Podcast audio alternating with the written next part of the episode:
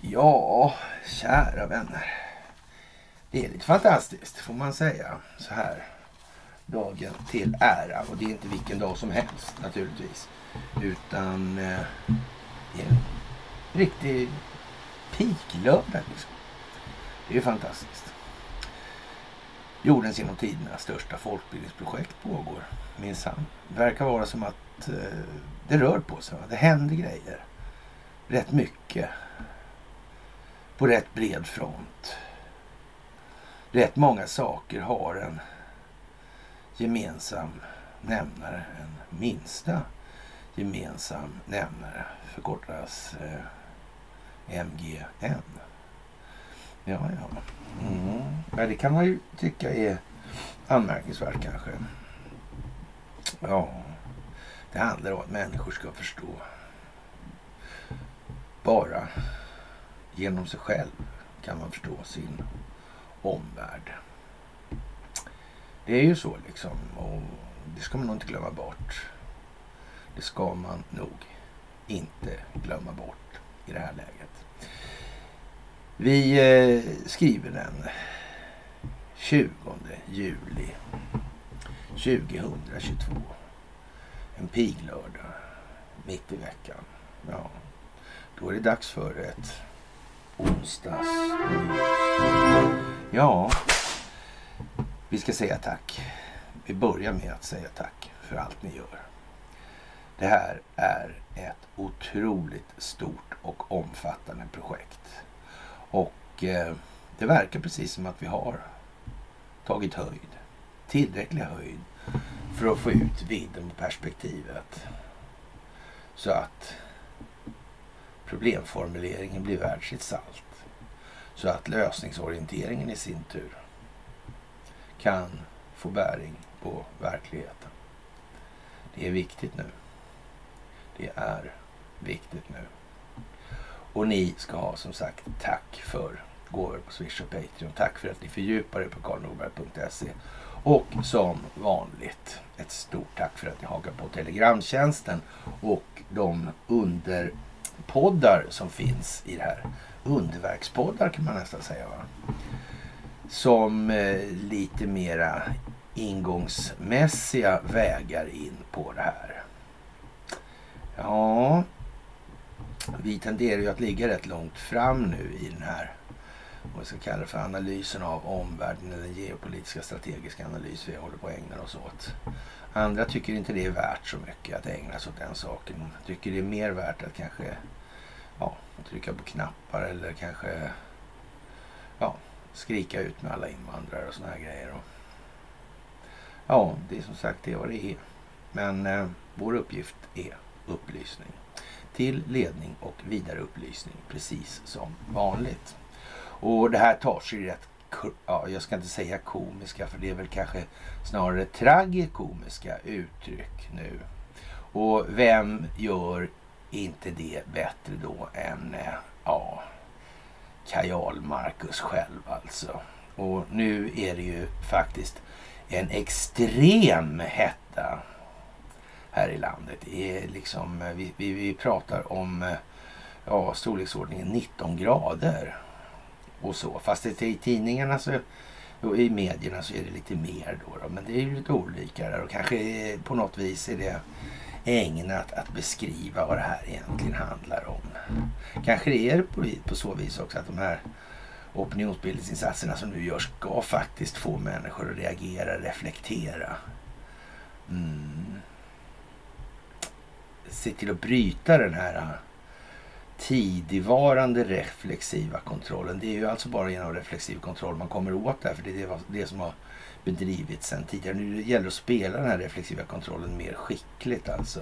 Och det är sånt man har datorer. Och hur ska en opinionsbildningsinsats, en informationsmässig värdeladdning administreras i vilken tid, i vilken omfattning och riktning. Alltså. Ja. Så alltså måste man tänka lite mm, abstrakt tänkande nästan. Inte kort, rakt och enkelt. Det går inte då. Det, blir liksom, då blir man ett offer för den här om vi ska kalla det för manipulationen, antingen den är godartad eller elakartad. Det måste man också minnas nu.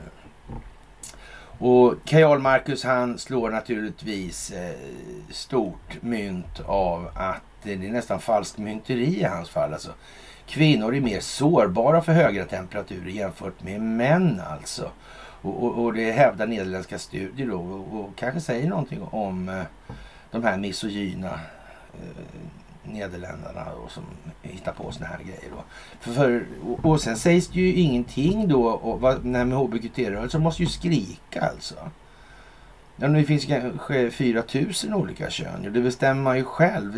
Eller är det bara att byta då kanske när värmen trycker på? Mm. Kan det vara så alltså? Mm. Eller hur är det där egentligen? Det fanns ju norska också såg jag som hon riskerade tre års fängelse för att hon sa att män inte kunde bli gravida eller vara lesbiska. Ja. Norge har inte så lätt de heller. Har de inte. Men de har ju haft en grundlag i ett tag, en minut eller fem kanske. Eller hur det var. Mm. Sverige har ju aldrig haft något sånt där egentligen. Jag vet inte, det är lite konstigt där alltihopa. Det handlar mycket om eh, det svenska rättssystemet av någon anledning. Det här begreppet abolition verkar vara på tapeten. Det skulle kunna användas i lite sådär i lönndom. I det skym, undanskymda, mörka. Ja, jag vet inte jag. Det är ju lite konstigt. Men det kommer säkert fram något om det vad det lider. Det gör nog faktiskt det.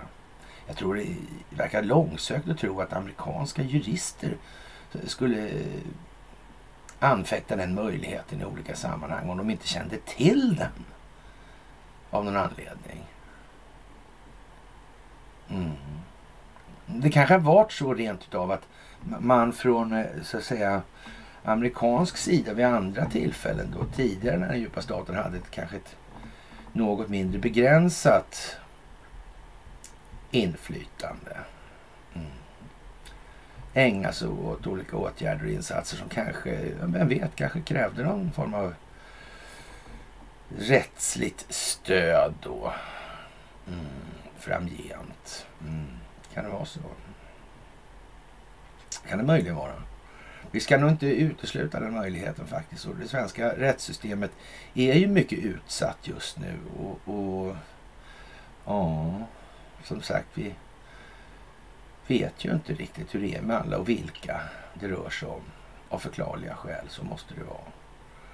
De har inte liksom tid eller möjlighet eller resurser för att hålla de här människorna skyddade i den omfattning som skulle krävas för att man kör det här delvis från insidan även i Sverige. Det går ju inte.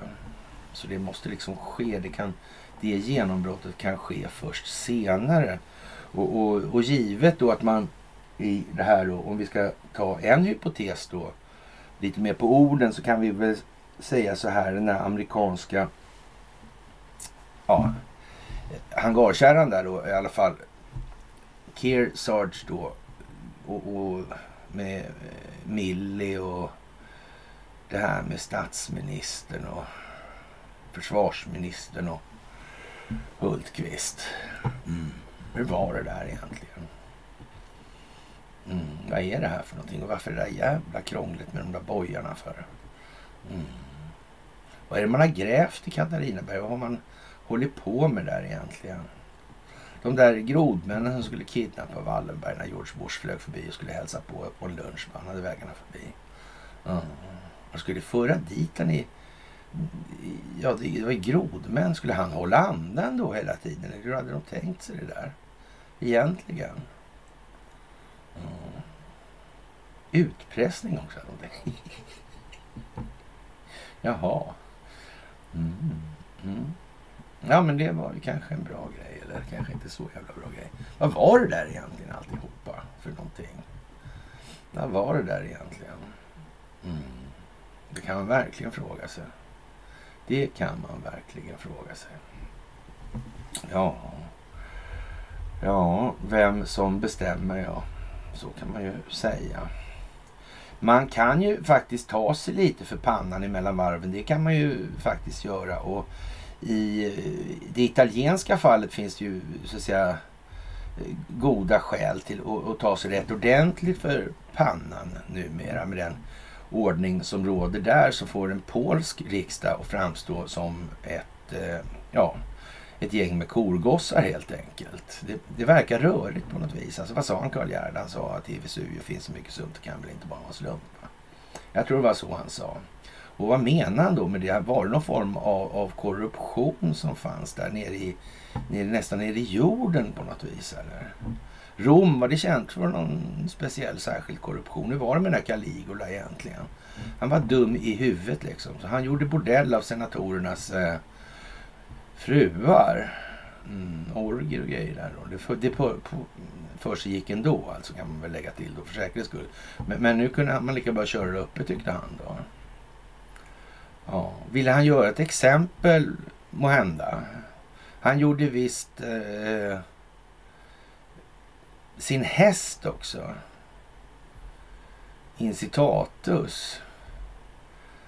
Till, eh, ja, förtroendevald då. Mm. Ja, jag vet inte. Medlem av Roms senat tror jag han var. Den här hästen. Ja, konstigt. Verkar som precis som man tänkte, liksom, man tänkte till den här. Det där. Men då blev man ju galen naturligtvis. Skulle det kunna vara så att det fanns liksom en dold... Nej, jag vet inte. Kanske det. Kanske det, kanske. Ja. Och vi var det där med Mehmet den andre och Konstantinopel och allt det här. Mm. Konstantin, jag var med honom, ja. Kristendomen och Athanasius. Synoden i Nicea 325 efter Kristus. Ja. Han var misogyn i alla fall och grävde ner evangelier. Hej vad det gick. Mm. Det var väl inget snack alltså. Ja, när det gäller Italien då som är på tapeten eftersom Mario Draghi har, dråplige Draghi har en massa eh, hyss för sig då. Han ställer krav för att leda regeringen nu och, och en sak som man, man, som svensk i det här läget, i den här tiden faktiskt kan lägga på minnet, det är ju det här företaget Leonardo då. Som var inblandad i det här med Dominion-maskinerna. Mm. Det var de ju ja. Och, och sen var det ju något snack om att man kunde ju mäta då hur den här trafiken hade gått och, och gått till från Stuttgart till gamla IG Farbens huvudstad, höll jag på Ja, mm. till, och sen hade det gått till, till, till Italien då. Och, då var det här Leonardo-företaget inblandat i det här alltså. Ja, höll på något med satelliter och såna här grejer. Men, men till saken ska man väl säga då att eh, det här Leonardo-företaget samarbetar alltså med eh, telefonbolaget Ericsson. Alltså. Mm. Och det pågår än idag det samarbetet. Till exempel om 5G-systemen i Italien. Det är Ericssons kärnteknologi som gäller här alltså. Och hur blir det då enligt de här exekutivordrarna som eh, Donald Trump skrev i maj 2018? Hur blir det med då, dem då? Hur är det med de eh, entiteter som medverkar till brott mot den amerikanska konstitutionen som den amerikanska militären är satt att skydda tillsammans med befolkningen. Mm. Ja, det ser ju inte så bra ut, det kan man ju säga i alla fall. Det ser ju rätt så påtagligt jävla dåligt ut alltså. Kanske amerikanerna helt har missat de här detaljerna, det vet man ju inte. Nej, det vet man inte. Hur går det för underlivsporslinet? Går det bra? Det, det, gör väl inte det? Jag tror det går dåligt, ja. Ja, sådär. Och, ja, det, det verkar svårt det här alltså med Vesuvio och sumpen alltså. Och, Eh, hur var det egentligen med tiderna där? När firar man det här hundraårsjubileumet liksom? Ja, och, och den italienska presidenten fick åka till Sverige då och fira. Men, eh, och kungahuset var i, inblandat i det här. Fast de sa att då, då gällde det från 2018 på, kung, på hovets hemsida. Då var det 2018. Men, men, men eh, så var det inte på Ericssons sidan. Det, ville man inte känna, vid, kännas vid riktigt. Så där man suddar lite där alltså. Mm. Ja, för då, då innebar ju det, för att 22 så tillsattes alltså så Benito Mussolini av den här Volpi di Monserrata. Mm. Det, det, ligger i, i Libyen förresten. Va? hände något med... Ja?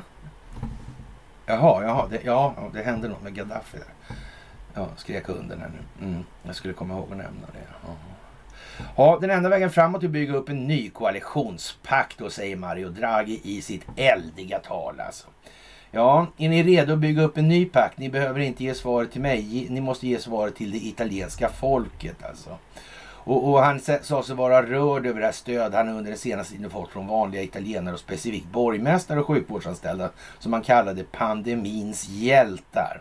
Samtidigt ställer Draghi krav på parlamentet Det vill ha ett brett stöd för att kunna leda regeringen och genomföra de reformer som är nödvändiga bland annat för att ta del av EUs pandemistöd. Alltså. Draghis tal möttes av varma applåder i senaten förutom från femstjärnerörelsen som ingår i den nuvarande regeringen och vars ledamöter satt orörliga. Det här är alltså bara en vanlig typisk italiensk kris anser man då. Under dem ska det avgöras om Draghi har tillräckligt stöd för att fortsätta som regeringschef. Enligt planerna kommer det bli en ny förtroenderöstning i senaten klockan 19 på onsdagskvällen alltså. Ja, de firar piglördag då. Draghi klarade en förtroendeomröstning förra veckan men valde ändå att försöka avgå då. Men eh, Sergej Mattarella, alltså presidenten, avslog hans avskedsansökan och bad honom ompröva beslutet alltså. Och det här är en vanlig typisk italiensk politisk kris. Alltså alla premisser kan ändras från ena sekunden till den andra. Säger Giovanni Orsina på Louis, Louis School of Government till nyhetsbyrån AFP. Alltså. Och många italienare, ja vad ska vi säga, hoppas då på, på Draghi, påstår man i Göteborgs-Posten då. Och som har varit ordförande för Europeiska, Europeiska centralbanken. Han är alltså, ja, Eh, eh, vad man kan kalla en rätt så patologiskt skadad djupa staten figur alltså. Och att han nu skulle göra någonting utan snackel, åtdraget ordentligt, det kan vi betrakta som fullkomligt jävla osannolikt alltså. Det, så är det inte alltså. Han har inte spelat teater längs hela resans gång. Det är alldeles, alldeles klart då i det här. 2000 borgmästare har i alla fall skrivit på den här petitionen där de ber honom att sitta kvar på sin post och styra landet genom inflationen. Och, och redan där vet vi ju då liksom vad då för jävla... Ja, det är, alltså, en sån enorm penningmängdsökning alltså. I det här. Mm. Ja, ja. Då vet vi ju det. En namninsamling som startades av den tidigare premiärministern Matteo Renzi har samlat in över 90 000 namn alltså. Ja, det går till sig skulle man kunna säga.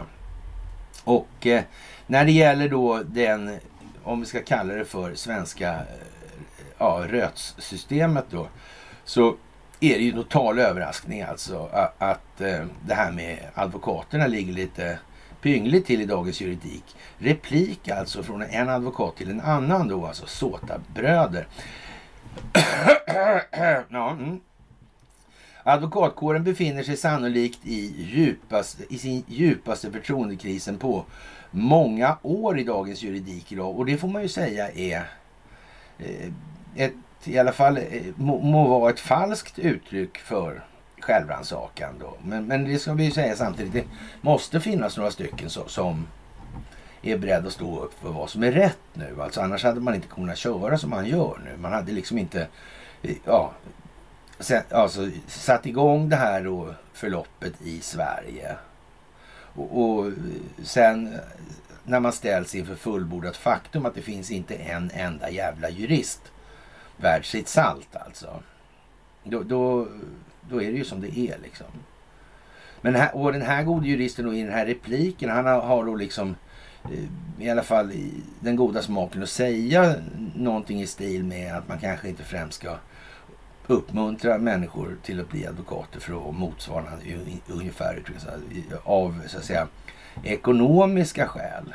Och det kan ju vara högst rimligt att man inte gör det. För det blir ju lite tokigt det här om man inte har något patos i botten. Det får man ju säga. Då kommer korruptionen. Det är bara så. Så kommer de här avarterna. Och, och man kan väl säga sen när det gäller den här abolitionsfrågan. Så finns det väl en anledning till att advokatkåren har liksom inte Hur kan det ens... Med någon form av yrkesstolthet för det där jävla yrket. Men hur kan den ens existera? Alltså? Är det jobbigt att skriva? Vad, vad, vad, vad är det för någonting? Och som sagt, det här med vad är Sverige för något egentligen? Är det en monarki? Jaha. Ja, det är ingen republik, det har vi märkt i alla fall. Men det här med demokrati alltså. Men nu säger man i USA att USA är ingen demokrati. Det är en republik. Och tänker man efter, ja, till och med Iran är en republik. Ja, Irak. Ja. Men det är konstigt det där alltså. De här konstiga, urmodiga grejerna, det finns bara här i Skandinavien i princip. Ja. ja. Då gills ju liksom inte Saudi på det viset eftersom det är skapat av de krafter som kommer från de här platserna med de här monarkierna, då, inklusive Storbritannien då naturligtvis. Men det där får man också se det lite för vad det är alltså. Det får man ändå göra alltså. Det har ju varit, varit en lagstiftning genom svunna tider alltså. Och sen så har det byggts på. Så är det ju. Och det är ju ingen som på allvar tror att brittiska kungahuset rår på underrättelsetjänstkollektivet. Jag, jag, tror att den här äh, prins... Äh, äh, mm, han, han Epst. Mm, jag tror han är ett exempel på det. De verkar inte skydda det. Det verkar de inte vara. Nej, det verkar de inte vara. Det är, ju inget snack om att eh, det kan ju ha varit så att det där var sån verksamhet som bedrevs av underrättelsetjänsterna. Kan ju ha varit. Det här med pedoprylen alltså. Jag tror jag har sagt det någon gång också. Det här hur fan accepterar den djupa staten verkligen sån här konkurrensutsättning på utpressningsmarknaden? Nej, det gör de inte. Det gör de inte. Ja. Och man kan väl säga så här det här med svenska advokater som vi har sagt kommer ligga fram i täten på det här eh, ja, lämmeltåget som så att säga kommer att visa svårigheter att visa sig bland folk i allmänhet vad det lider. Mm. De flesta människor har ju så att säga inte använt systemet som ja, ett verktyg för att de har ju i princip tänkt på sin egen överlevnad de flesta av våra. Och en del har tänkt lite mer på sin egen överlevnad skulle man kunna säga då. då. I alla fall ur det materiella perspektivet. Sen kan det väl vara hur själsligt dött som helst. Då. Naturligtvis som en konsekvens av det här. Då, då. Och man kan ju också konstatera då att övriga alternativrörelsens förståelse för de här rätt så fundamentala sakerna, den verkar ju vara Ja, jag vet inte. Man får väl trycka på en knapp och se vad som händer då. Inte vet jag om man inte vet om någonting. För annars så kanske man ska ge fan i att trycka på knappar så man inte vet vad de leder till för konsekvenser om man trycker på dem. Eh, det kan vara jävligt dumt faktiskt. Det, det, tror jag är viktigt att komma ihåg. Och jag tror till och med att det är viktigt att poängtera nu i det här läget att det kommer ju utkristallisera sig nu vem som gör vad av vilken anledning. Och, och det finns liksom inte, behöver man inte diskutera så mycket då i det här. För det kommer ändå att visa sig. Det, vi har sagt vad vi har sagt. Vi har gjort vad vi har gjort i det här. Och det kommer vi få stå för. Sen är det inte mer med det. Och, och som sagt, man måste ta det i delar också. Så är det. Det går inte på en gång. Och man är inte i mål heller. Det går ju inte en dag utan att man hittar något nytt som var fan också. Tar det aldrig slut liksom. Och vi har ju ändå kommit så långt att vi har klart för oss ungefär vad, vad är kärnan för någonting och vad beror det på? Det moderna kriget ser ut som det gör. Framväxten av de här strukturerna, organisationerna, intressena under förra århundradet. Ja, den ser ut som den gör. Alltså, det ser ut som den gör. Vi kan identifiera individerna. Vi kan identifiera företagen. Vi kan in, ja, så att säga, de, identifiera de personer som finns inblandade i det här hela tiden. Och, och på så vis kan vi göra ett mönster. Mm. Det här uh, Åsa-Nisse-tricket eller Sjökvist-tricket ska vi kanske snarare säga. Det är sådär, alltså vi ser att det är samma person även om man sätter på sig en annan keps. Vi är inte riktigt så dumma eller blinda längre. Nej, det är vi inte. Ja, ja. Det är naturligtvis speciellt. Och ja, vi har ju konstaterat det här med drivmedelspriserna nu och nu går bensinpriset under 21 kronor per liter och, och man kan ju säga att det här är ju någonstans lite ja, signifikativt alltså. Det kanske går ner till 17 och så fattar de det här. De kanske fattar på 17 från andra hållet då. Vad var det med Joe Biden då? Ena dagen så kunde han inte påverka drivmedelspriserna i USA. Och, och, igår så sa han att han har sänkt drivmedelspriserna. Det här med de här drivmedelspriserna alltså. Det, det verkar ju vara helt otroligt alltså. Det är konstigt. Och, och, och sett till, till, till råoljepriser så är det ju närmast fantastiskt hur, det kan bli, hur utvecklingen kan se ut som den gör. Det måste vara något annat. Det är lite som elpriserna faktiskt. Det verkar som energi överhuvudtaget verkar vara någon form av, av regulator man använder. Man har, man har liksom styrspakar till den där så man kan prisbilda eller använda prisbildningsmekanismer som hävstång för att driva olika politiska riktningar i det här. Ja. Mm. I Saudiarabien kostar då ja, drivmedel, diesel då, ungefär då två amerikanska dollar då för en gallon. och det är 3,78 liter alltså. Mm, det är ungefär 20 spänn för fyra liter kan vi säga. Som femma litern då. Kan vi väl säga. Mm. Ja, det gjorde den USA också förut. Det har hänt någonting där. Det är inte visserligen lika jävligt som i Sverige, men... Äh. Är det verkligen så här? Är det, är det en miljöfråga? Är verkligen en klimatfråga? Ja, ja. jag vet ju inte alltså. Det är ju speciellt alltså det här. Mm. Vi föreslog då tidigare idag så föreslog vi faktiskt att man kanske lockar från andra håll och säger att ja, men åtta spänn då. Om, det blir, om ni ja, om ni lovar att läsa på och sätta er in i omvärlden och allt det här så, så ska vi försöka ordna åtta spänn. Liksom. Men det är klart. Ja.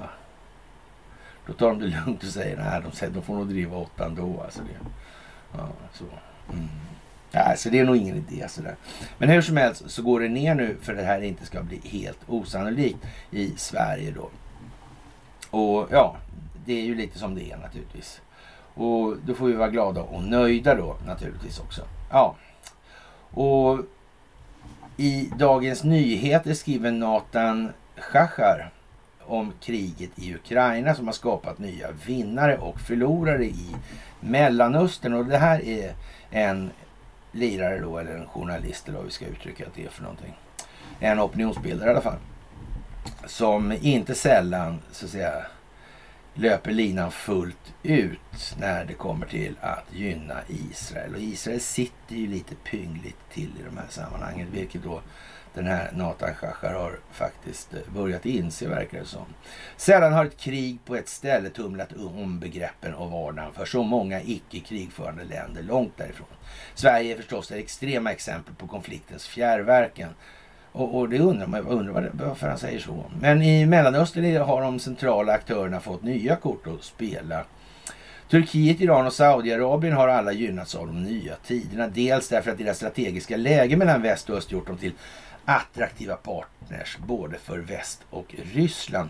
Dels därför att omvärldens kritik mot deras förtryck av oliktänkande så gott som upphört alltså. Ja, vem är det som har skapat det här förtrycket? Är det så att kanske den djupa statens inflytande i Ryssland har minskat? Om inte helt så i alla fall högst påtagligt. Kan det möjligen gälla i Saudi också när MBS han verkar helt på gröten på att låsa in folk. Vilket folk är det han låser in egentligen? När han inte då springer runt och mördar khashoggisar. Sådär. Mm. Ja.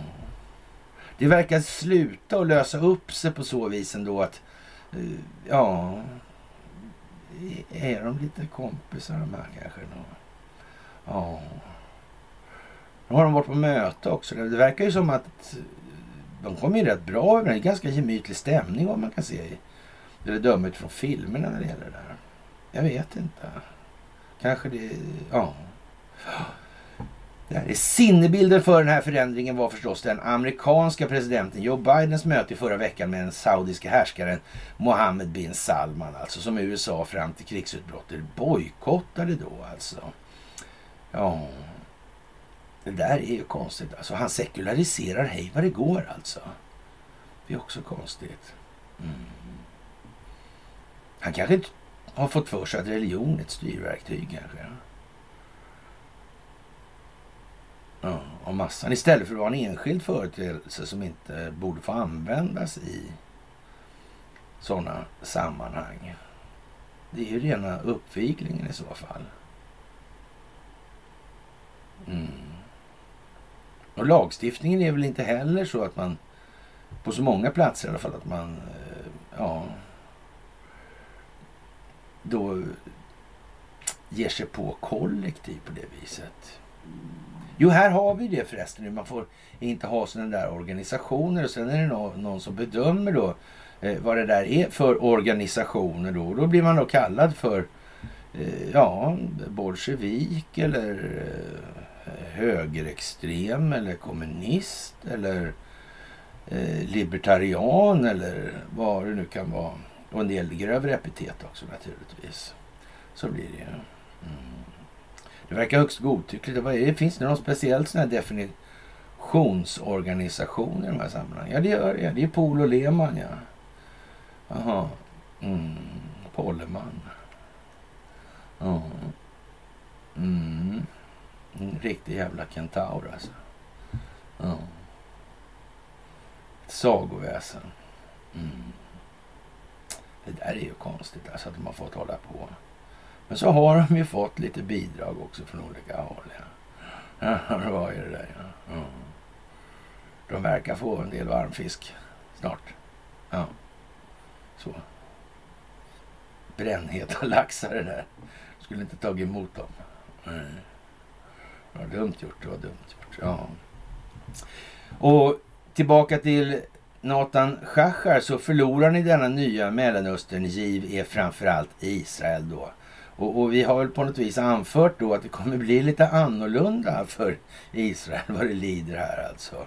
Det är i, i sin nuvarande form och tappning. Det är alldeles, alldeles helt säkert. Och nu har då Nathan Schacher kommit fram till samma eminenta slutsats, precis som juristerna själva börjar komma fram till att de sitter lite pyngligt till. Va? Och, och, och det som jag säger då tidigare här, alltså det fanns snarast häpnadsväckande att man inte från annat håll har tagit upp det här. Att inte de ägardirektivstyrda opinionsbildningsmedierna, inte, att de inte tar upp det, det kan man ju se som ett, det är, det är ett tjänsteåliggande alltså. Så det är, de är till för att inte ta upp det där. Ja. Men de här andra nu då, då som ska föreställa någon form av alternativ eh, upplysningsrörelse eller vad det nu är för någonting man ska kalla det där för. Ja. Vad, vad, vad, vad har de för förklaring till att de inte tar upp det där? De ligger liksom efter gammelmedia. Är inte det lite konstigt? Och där kan man faktiskt sortera in dagens juridik. För dagens juridik är trots allt eh, man får se dem som, som vederhäftiga när det kommer till det svenska juridiska systemet, alltså det svenska rättssystemet. Och det tog vara en fråga som kanske, eh, ja, inte bara råder delade meningar om. Alltså jag skulle vilja säga att det, det råder rent av motsatta meningar om huruvida det där är någonting allmännyttigt eller inte helt enkelt. Ja, men det kan vi ju tjattra oss blå. Det visar sig, det visar sig i alla fall. Ja, och eh, herr president, utan ett konkret väpnat hot kommer Iran inte att förhandla seriöst, sa premiärministern Yair Lapid inför en församlad press till sin gäst då. Men i Jerusalem förstår man att USA har helt andra preferenser. Dels att återupprätta atomavtalet mellan Iran och stormakterna, det som Donald Trump drog sig ur 2018. Dels att inte skapa nya krishärdar till oljefält och oljetransportleder. Och eh, Kriget i Ukraina betyder att USA flyttar ner Irans atomprogram i prioritetsordningen. Alltså.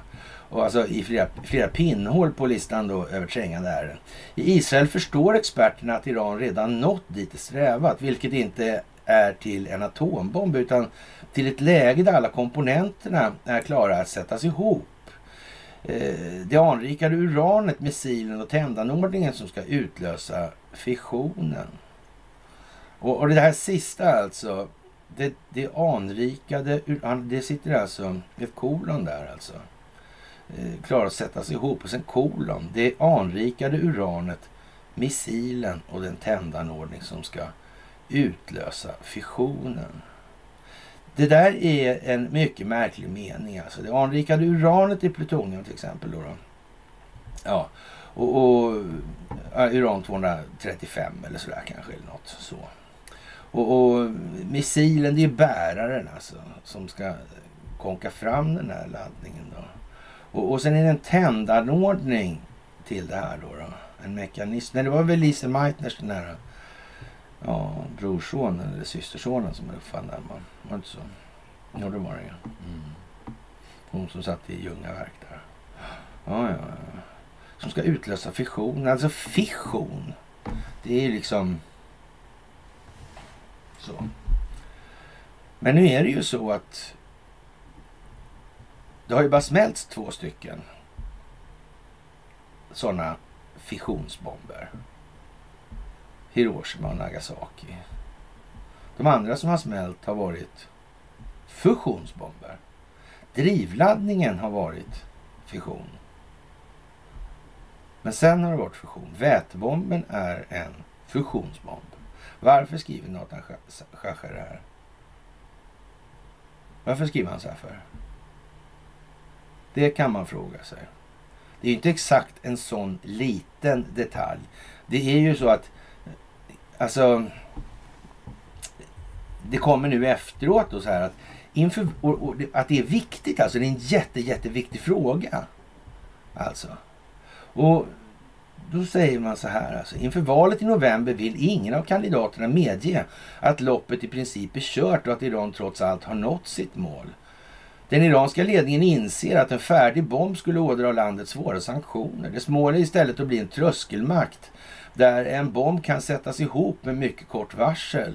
I Israel är ledande politiker ovilliga att tala om detta. Iran och dess atomprogram är ett av huvudnumren i varje israelisk valkampanj. Alltså. Där är ju det här med argumenten med fissionen då kontra fusionen. Vilken är vad här nu i det här och varför? Och, och fusionen alltså, den, den, skapar ingen radioaktivitet alltså. Det är ju vätekärnor som slås ihop. Det, det är inget... Mm. Det är ju liksom som det är. Mm. Det där med fusionsbomber, det är ju lite urmodigt skulle man kunna säga. Ja. Och, och kunde man dra igång de här utan den här drivladdningen då i form av fusion, då skulle det vara helt fritt från radioaktivitet i princip. Mm. Ja, det där är ju konstigt. Ja, Iran har trots allt alltså nått sitt mål alltså. Och, och det här är ju, ja, Israel är ledande politiker ovilliga att tala om det här. Alltså kan det, vad kan det bero på tro? Ja, Iran och dess atomprogram är ett av huvudnumren i varje israelisk valkampanj. Alltså. Ja, där nationalistlägets Benjamin Netanyahu och hans liberala motståndare tävlar om att utföra varningar och hotelser mot Iran. Alltså. Ja, inför valet i november ville ingen av kandidaterna medge att loppet i princip kört redan och Iran trots allt har nått sina mål. Mm. Ja, lite kvar är det ju ändå. Alltså. Vad sa de? Vi måste rusta upp vår kärnvapenarsenal till dess att människan förstår den verkliga innebörden av atomvapnet. Ja, så länge de inte börjar slänga eh, ja, så att säga, uranbomber på varandra. Men det är ju liksom en alltså enormt mycket lägre effekt på dem. Så det verkar ju helt meningslöst. Mm. Eller går det, det, det är någon form av eh, ja, någon form av kemisk eh, strålningskrigföring då man ska ödelägga mark alltså. Mm. Ja, det vill ju till att man ska inte köper något från den där regionen man har radioaktiviserat. Då. Men tänk om det är sådär med den här radioaktiviteten att den är kanske lite sådär äh, vidlyftigt beskriven skulle man kunna säga med avseende på ett syfte att kanske framkalla rädsla. Jag vet ju inte om det är någon som har tänkt så. Alltså, men jag, jag, jag har tänkt tanken själv alltså, som då konspirationismens härförare, härförare och grand old man i det här landet. Ja. Man kan ju säga att det är inte så svårt att bli grand old man utan att vara särskilt gammal. Alltså, antalet som har tänkt till är ju rätt begränsat då, eller var rätt begränsat. Det är ju liksom inte mer än så. Mm. Ja, att hållit på länge, ja det är klart. Om ingen har hållit på alls. Det blir vad det blir det också, naturligtvis. Jaha, kriget i Ukraina är slitsamt för Israels ledning också på andra vis. USA är missnöjt med att Israel liksom Turkiet vägrat att ansluta sig till sanktionerna mot Ryssland och dessutom hittills vägrat att dela med sig av sin teknologi för att freda Ukrainas civila från ryska bombardemang. Ja. Klyftan växer mellan politikerna som värnar om relationerna till Ryssland och allmänheten som överlag tar Ukrainas parti. Alltså han beskriver situationen inuti Israel här alltså. Mm. Det är ju som det är, kan man ju säga. Som sagt, Sverige är förstås det extrema exemplet på konfliktens fjärrverkan. Det, verkar ju, det måste väl ändå bero på att Sverige har fingrarna i på något vis. Alltså här fanns det inga kopplingar till Sverige i övrigt sådär i något som helst sammanhang. Då verkar det ju jättekonstigt. Varför är det mest extrema? Eller det extrema exemplet på konfliktens fjärrverkan? Mm. Hur kommer det här sig egentligen? Det kan man verkligen undra faktiskt. Jaha, Syrien bryter de diplomatiska banden med eh, Ukraina och det är ju naturligtvis oerhört förvånande att Bashar al-Assad väljer sida med Ryssland. Mm. Sverige har ju som alla vet då valt den andra sidan, alltså IS och moderata terrorister och moderata rebeller och moderata jihadister. Mm. Och sådär. Som vi har utbildat i Sverige har utbildat i olika sammanhang där. Mm. Det är ju lite speciellt. Mm. Och nu enas de här upp då, de här ondsinta diktatorer. Och Bashar al-Assad han måste ju naturligtvis hamna inför alla möjliga. Tänk att varken kineser, ryssar eller saudier eller eh, någon annan anser att han har bombat sin egen befolkning med kemiska stridsmedel. Och de som anser det, det är ju inga... De här experterna i de här sammanhangen. Hur går det förresten med det här med novitjokit och analysen och Umeå universitet och så? Det går det bra eller? Eh, nej, det gör inte det än. Nej, inte det heller. Det kommer säkert, det kommer säkert. Det går till sig. Mm. Enligt en talesperson är beslutet ett svar på Ukrainas besked och gör detsamma. Alltså. Ja, det ukrainska beslutet fattades efter att Syrien Eh, erkänt de ryskstödda utbrytarregionerna Donetsk och Luhansk i östra Ukraina. Syrien är ett av få länder som fortsatt har starka diplomatiska band till Ryssland. Ja, det verkar ju inte riktigt så ändå. Det verkar ju finnas en hel del. Och, och de är inte så små heller. Kina verkar vara ett sånt land. Va? Indien verkar vara ett annat. Mm. Syrien, Iran och så vidare här. Saudiarabien. Det är något konstigt med det där alltså. att det, det, det är ju inte svenskt alltså och då är det obetydligt alltså. Mm. Ja, jag vet inte hur man ska se på det där. Det är konstigt som fan alltså. Få länder, ja, det kan man ju diskutera då kanske i de där sammanhangen. Små länder kanske man skulle dragit till med på en gång. Så hade man gjort sig själv en tjänst kanske. Och eh, MSB ser allvarligt ut på det inträffade. Ja, och det är naturligtvis oerhört, ja vad ska vi säga, förklenande då. Vi kan konstatera i alla fall så här nu då att det kommer folkbildningsinsatser från andra och nya avsändare med tiden. I anledning av då att eh, Myndigheten med samhällsskydd och beredskap för en dialog med Sveriges Radio efter DNs avslöjande om säkerhetsbrister. Alltså. Man har använt då molnet. Mm. Det flyger omkring där uppe. Det är inte någon jävla servrar som står någonstans alltså, utan det är molnet. Ja.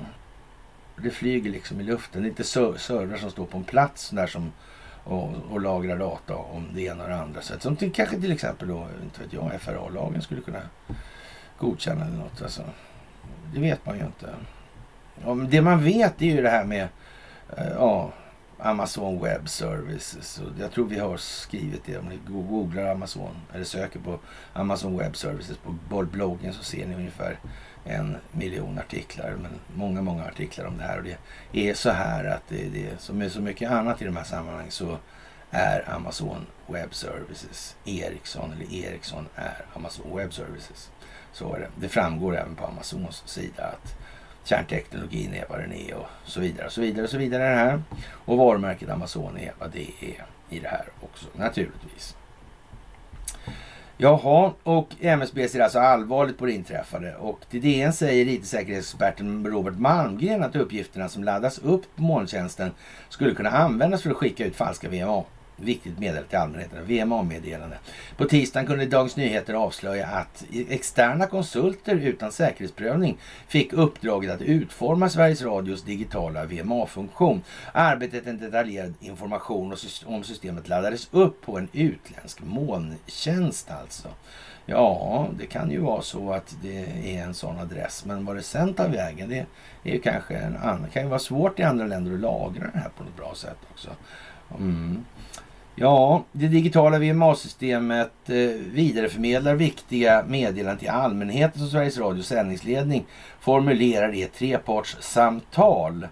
Och eh, de andra två parterna är SOS Alarm och den aktör som har begärt ett VMA, eh, till exempel Räddningstjänsten.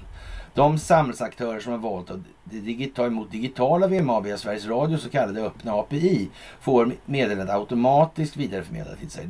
Det här ska inte blandas ihop med att sändningsledningen läser upp ett VMA i FM-radio och via Ekot publicerar meddelandet på Sveriges Radios sajt och mobilapp. MSB är den myndighet som ansvarar för VMA-systemet och utvecklingen av det. Myndigheten reagerar på uppgifterna i DNs granskning MSB ser alltså allvarligt på det inträffade och kommer följa upp och föra dialog med Sveriges Radio om det här åtgärdas. Så inte falska VMA-meddelanden kan förmedlas i framtiden, skriver presstjänsten i ett uttalande och bekräftar att man tagit kontakt med Sveriges Radio. Kulturminister Jeanette Gustafsdotter, ny socialdemokratisk förmåga nästan, skriver i en kommentar att eh, regeringen alltid ser allvarligt på eventuella säkerhetsrisker inom det viktiga VMA-systemet. Gustafsdotter utgår ifrån att Sveriges Radio om det behövs vidtar åtgärder för att avhjälpa eventuella brister i sitt säkerhetsarbete. IT-experten Robert Malmgren har via Dagens Nyheter fått en muntlig beskrivning av innehållet i dokumentationen och även kunnat ställa följdfrågor. Han anser att Sveriges Radio har utsatt VMA-funktionen för stora risker genom att ladda upp drift och systemdokumentationen för digitalt VMA i en utländsk molntjänst. Det innebär att den kan hamna i fel händer då enligt värde Robert Malmgren. Då. Dokumentationen som Dagens Nyheter har sett innehåller bland annat detaljerade uppgifter om systemets uppbyggnad, kodbaser, databaser, IP-nummer och gränssnitt. Malmgren bedömer att en illasinnad aktör som kommit åt drift och systemdokumentationen på egen hand kan efterapa delar av systemet och skicka ut ett digitalt VMA med desinformation och därmed runda sändningsledningen. Det här är ytterst allvarligt i tider som dessa, säger han alltså. Och vi får liksom lite sjögång här känner vi nästan. Det är böljegång i inte bara lördags, piglördagsbysterna här va, utan det är lite nästan så hela marken gungar under fötterna på svensken nu. Vad är det här för någonting? Är det den där jävla badankan som är i farten? Mm. Kan man säga. På Stockholm Water Festival hade de sådana små ankor förresten. Som också simmar förbi där nästan. Mm. Ja. ja, ja, det är så. Jaha. I och med Sveriges Radios beredskapsuppdrag är public service-bolaget också en del av det skyddade kommunikationsverktyget Rakel. Och det är bland annat via Rakel som Sveriges Radio ges möjlighet att förmedla digitalt VMA till viktiga samhällsaktörer. En illasinnad aktör kan vid ett intrång i systemet enligt Robert Malmgren skicka digitala VMA via Rakel. Då går de till eh, samhällsaktörer som valt att få det här alltså. Ja, som till exempel eh, Försvarsmakten, regeringen med Sveriges Radio som avsändare. Om någon eh, med den här dokumentationen och detaljkunskapen kan bryta sig in i det här systemet så finns det ingenting som säger att man inte kan skicka felaktiga och falska digitala VMA, säger Robert Malmgren. Mm. Ja, ja, ja. I dokumentationen finns även tekniska detaljer som API-nycklar och adresser till en ex eh, extern sms-sändningstjänst alltså. Med denna kunskap kan man skicka sms i Sveriges Radios namn utan att den manuella VMA-processen på Sveriges Radio någonsin blir inblandad, säger Robert Malmgren. Ja, och så har man en expert då som har på, på ja, Sveriges Radio, alltså en Ann-Sofie Eriksson, chef för teknikenheten. Hon förklarar då eh, så mycket hon kan då i de här sammanhanget. Och, och ja, det där är ju märkligt speciellt alltså. Hur är det egentligen? Vem bestämmer här i det här landet just nu? Vet vi det? Vi vet vi det säkert? Och för om det är så att det inte är de som utger sig för att bestämma så kanske det är så att de måste spela med. Alltså det är det. Mm. De måste spela upp en optik som skapar en bild som innebär att människor förstår sin omgivning, sin verklighet i en större utsträckning än vad som tidigare varit fallet. Genom att de blir tvungna att revidera sina känslogrundande värderingar. Så alltså. Mm. De konstaterar att nej men, de verkar ljuga för de sa ju så här. Jaha, har de tagit muter där också? Jaha, då kanske det inte var för min skull de gjorde det där då.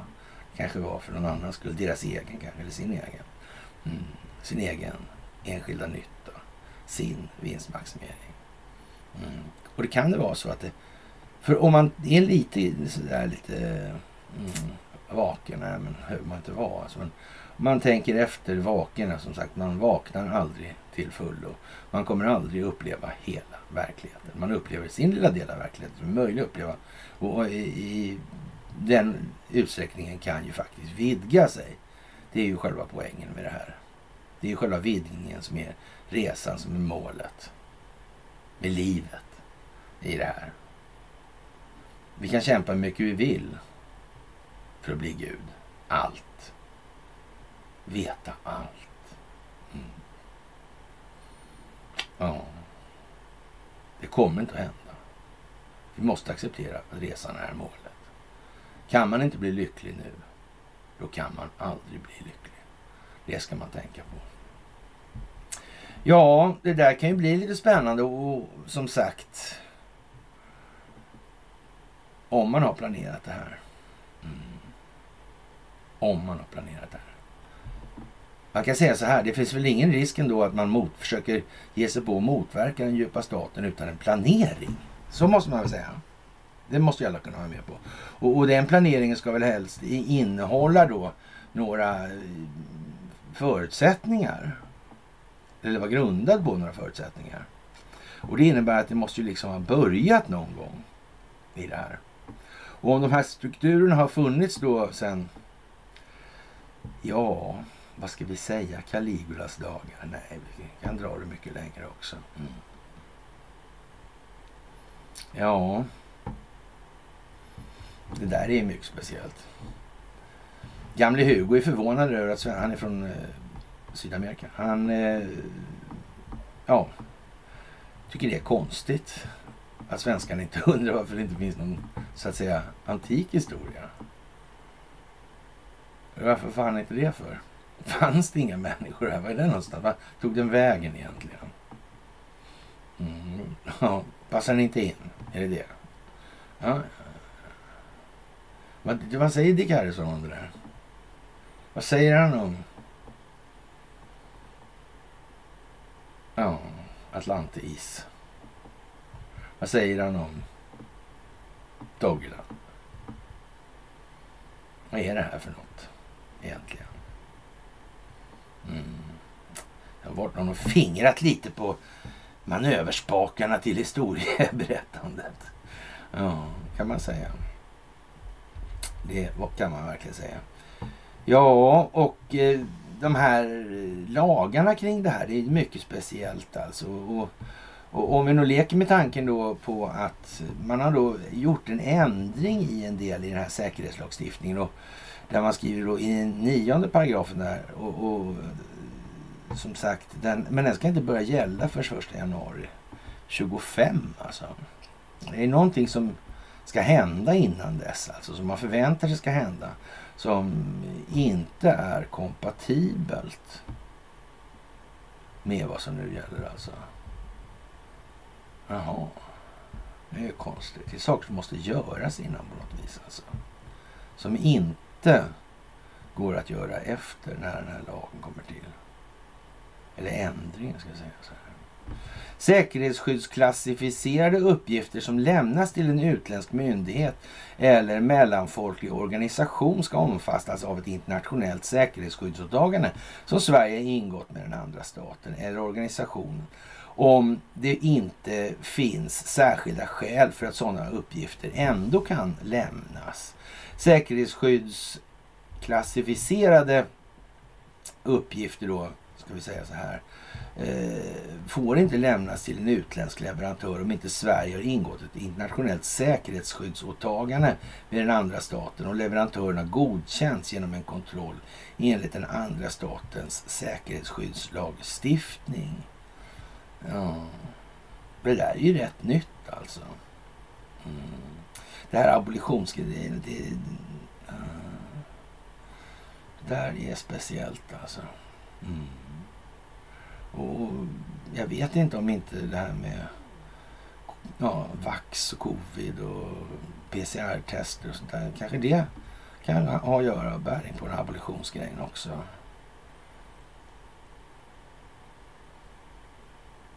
Det kan vara så alltså. Det vet vi ju inte. För det är inte säkert att de talar om allting i de här sammanhangen. Det, det tycks ligga lite så att säga i själva paketet då i det här. Att man, man har det här för att kunna lösa problem som inte gick att lösa enligt de metoder som allmänheten kommer se som politiskt godtagbara. Det är därför man har det där ju. Och då kanske det, ja, sådär liksom. Men man kan tänka på det faktiskt nu. Sådär. Jaha, och som sagt prishöjningarna vet ju inte så då kanske det är bättre att sänka då, då istället. Ja, det är ju eh, sommar och varmt då och nu ska det gröna stålet glöda här då, då uppe i ja, Hitachi Energi, alltså för detta Hitachi ABB Power Grids, alltså går in i H2 Green Steel alltså. Och det, är ju inget tecken på att det här är någon jättelyckad affär alltså. Man kan väl säga så här att det är kanske det här eh, ja, före detta då, ABB Power Grids alltså. Mm -hmm. Det är som det där med Hoverdammen, det verkar också något konstigt. Va? Det verkar vara något konstigt. Men där finns det ABB så det både räcker och blir över. Så det behöver man inte oroa sig för. Då kanske man kommer fram till snart då att när ja, Las Vegas inte har någon ström då eller sådär. Ja, men det blir ju som det blir alltså. Eller var det Los Angeles kanske? Jag vet inte. Ja. Det är ju samma princip i alla fall. Mm. Det där med de där dammarna. Ja. Mm. Får nog hoppas, jag sa så på föreläsningen i Västerås för ett antal år sedan. För det där kommer de aldrig släppa, sa jag då. Alltså, det, det, alltså släppa... De, de har, det är ju ett av deras slutargument. Va? När, om ni jävlas liksom så ska ni få se på Sagan om ringen. Mm, över IG, Isengard alltså. Mm, med Saruman där och Enterna. Mm. Man släpper fram, släpper vattnet. Och det var väl, ja, så. Men det användes ju inte så. Alltså, det kommer inte att bli så. Mm. Faktiskt. Så vem är det som ska förlora pengar på det här och varför? Det är knappast de ska tjäna på det i den meningen. Det tror jag inte. Mm. Ja, ja. Ja, det här med den själsliga ofärden och vad som egentligen gäller. Vi har ju då helt hållet i princip gått över till att ägna oss åt det här geopolitiska utvecklingsspelet och, och det här själsliga har vi skrivit så mycket om så det är ju liksom vad det är och bloggen finns där den finns. Och man läser inte ut det där med blårasket, det gör man inte helt enkelt.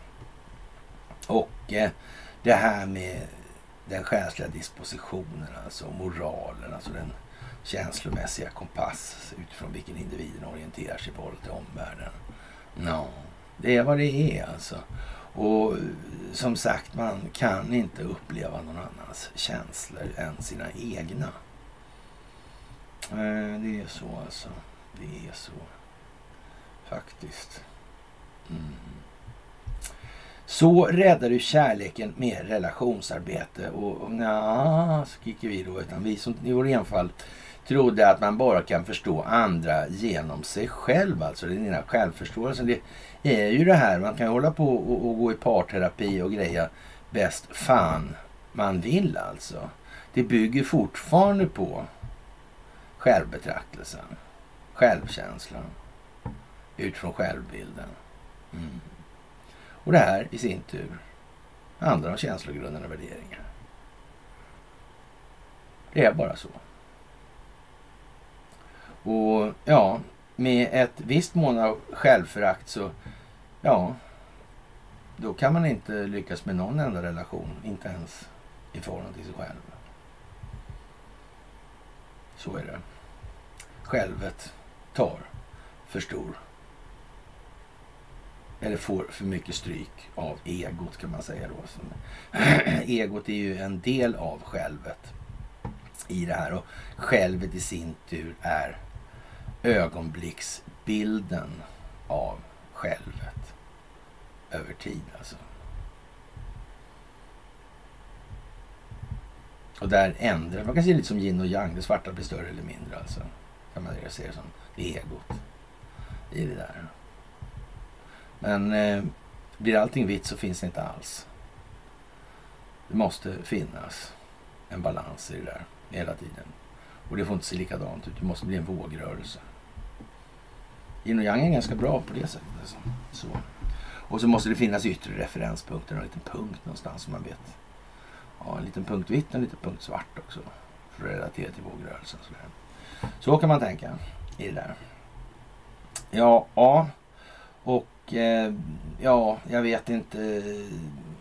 Religionen som sådan är ju liksom ingen eh, lyckad grej för utveckling. Så att säga. Det är ju budord alltså. Det ska man ha klart för sig. Alltså det är tio Guds bud alltså. Du skall. Det är, det är imperativ vi pratar om här alltså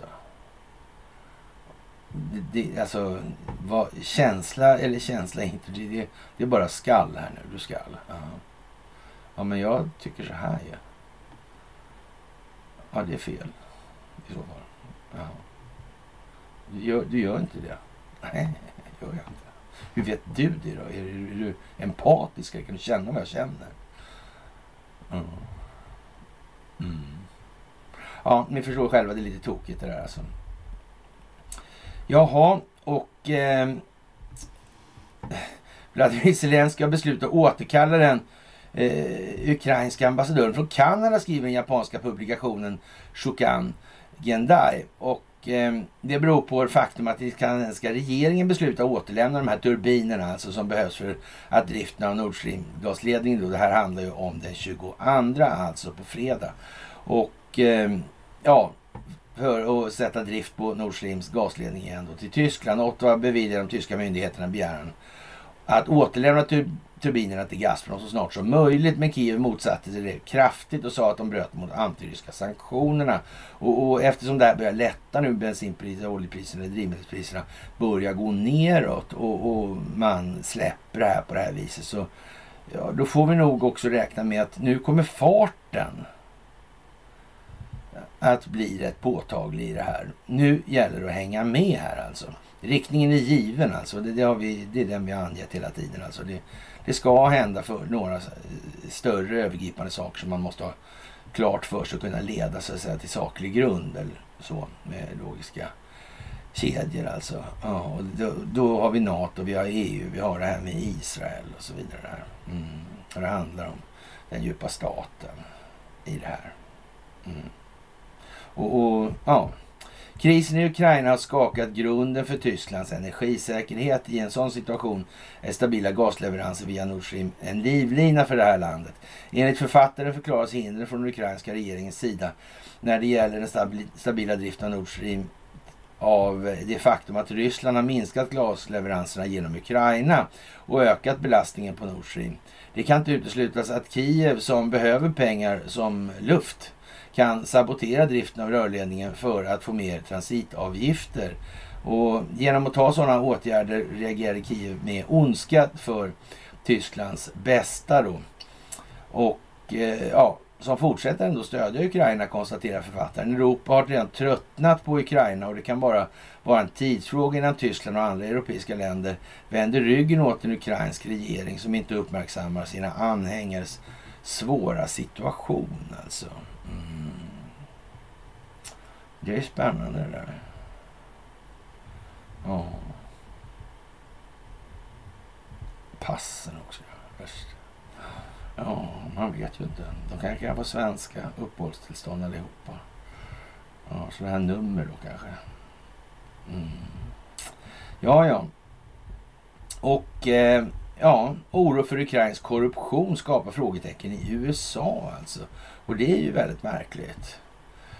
Eller kanske inte alls. Efter att flera ukrainska myndighetstoppar fått lämna sina poster har den amerikanska oron över Ukrainas långa historik med korruption väckts på nytt. Och, och, det vill väl inte säga så lite. Jag tror att amerikanska residenten är inblandade i det också. Någon som missat det? Nej, det är de inte. Nej. nej. Kanske de har alla uppgifter på det redan och det här så att säga ska spela ut sig opinionsbildningsmässigt strategiskt för att bädda för nästa steg i utvecklingen ur varje perspektiv. Sekventiellt alltså. Mm. Kan det vara så här eller? Är det liksom något annat sätt det här är på? Det är mycket enklare liksom. Det bara är eh, vi jävla, vi, slänger ut, bara vi slänger ut alla jävla muslimer så jävlar alltså. Eller Eh, ja, bara eh, ni, ni ska få se allihopa liksom den här frimurarorden. Man kommer här och bara nej, nej, nej, nej, nej. Okej. Ja. Och ska vi, alla som har gått förbi en gatuadress där det har funnits en frimurarloge, de ska vi... Ja. Ja, eller? Att det finns folk som är frimurare inom djupa staten med avseende på antalet tjänstemän som ingår i Stockholmsbyråkratin. Att det finns frimurare bland de här. Ja, det finns en annan AIK än Hammarbyare också. Helt säkert. Ja, som sagt, den Ukraina-födda republikanen Victoria Sparts som gjort flera besök i Ukraina sedan kriget inleddes har de senaste veckorna upprepat kritiken. Under tisdagen tillsatte president Zelensky en ny antikorruptionsåklagare, en position som varit tom sedan 2020. Men det var väl originellt gjort? Du kan inte det bli lite lattjo? Ja, inte förrän nu också. Jaha.